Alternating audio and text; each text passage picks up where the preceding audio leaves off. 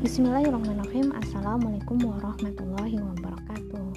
Saya Nur Hikmah, Ibu Profesional Banyumas Raya Pada kesempatan kali ini saya ingin menyampaikan terkait temuan hari ke-10 Tantangan 15 hari komunikasi produktif. Pada temuan kali ini saya ingin mengangkat tema terkait tantrum Karena tentunya tema ini sangat menarik dan cukup familiar. Kita temui bagi ibu-ibu yang sudah memiliki anak.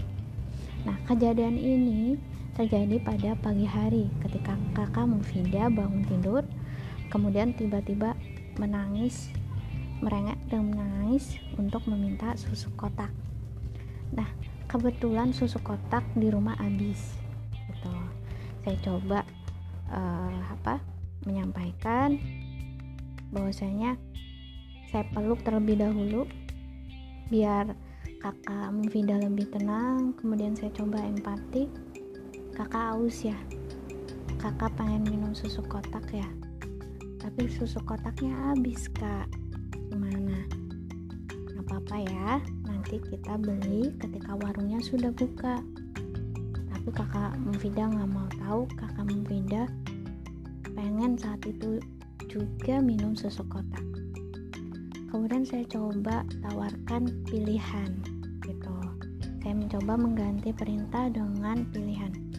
Kakak aus ya kakak mau minum air dingin air putih apa uh, apa coklat panas coklat hangat gitu.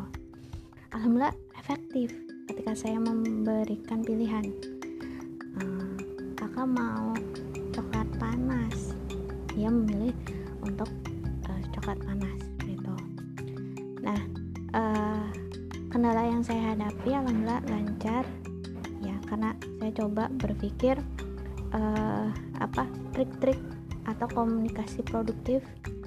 Ketika saya lakukan dipeluk ah ternyata agak merendah tapi kurang efektif. Kemudian saya coba empati dan uh, apa coba tawarkan pilihan alhamdulillah berhasil. Nah uh, saya menemukan celah bahwasanya komunikasi produktif ini uh, beberapa tipsnya harus saling berkait seperti itu. Alhamdulillah uh, berhasil. Kemudian berapa bintang yang kita dapatkan? Insya Allah bintang 5 kemudian apa yang akan saya lakukan esok? Konsisten tentunya.